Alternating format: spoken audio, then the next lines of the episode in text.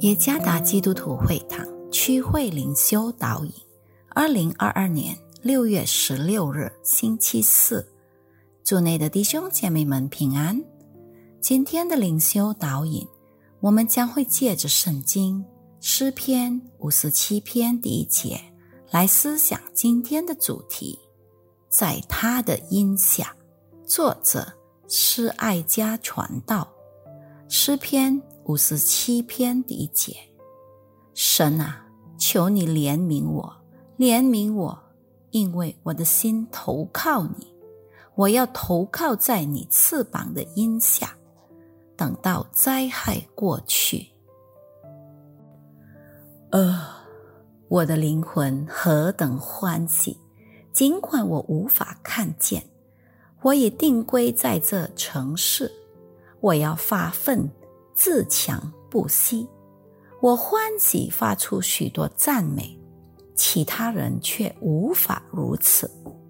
我不会，我也不愿因失明而哭泣叹息。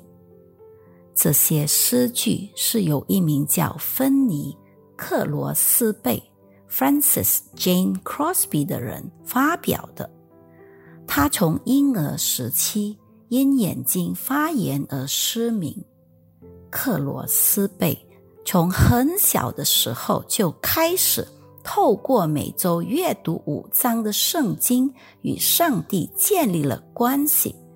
从那样的学习中，他对上帝的庇护更加自信。他在他不足的情况下感到平安。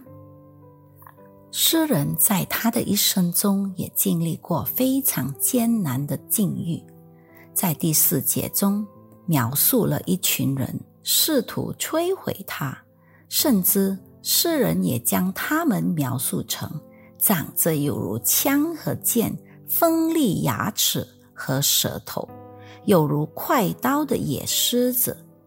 这位诗人所面临的困难。几乎使他的信心摇动，这是因为他处于敌人压力之中。然而，当诗人面对那些问题时，他将他的心与灵转移到上帝的荫下。诗人祈求上帝的怜悯，第一节，他深信上帝必定帮助他，并为他解决他所面临的问题。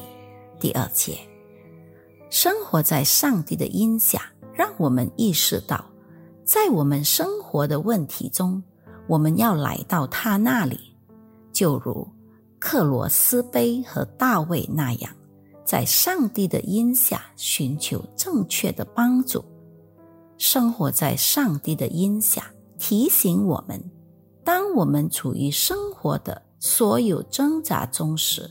上帝就是那能赐予我们内心平安与安宁的避难所，在上帝的荫下，使我们在上帝爱的拥抱里感觉到平安和舒适。因此，从未有过完全充满欢笑或者完全悲伤的生活。如果我们有挣扎的重担，就到他那里去。因为只有在上帝里，我们才能在他荫下得平安。无论您的生活旅程如何，我们在上帝的荫下都能度过它。愿上帝赐福于大家。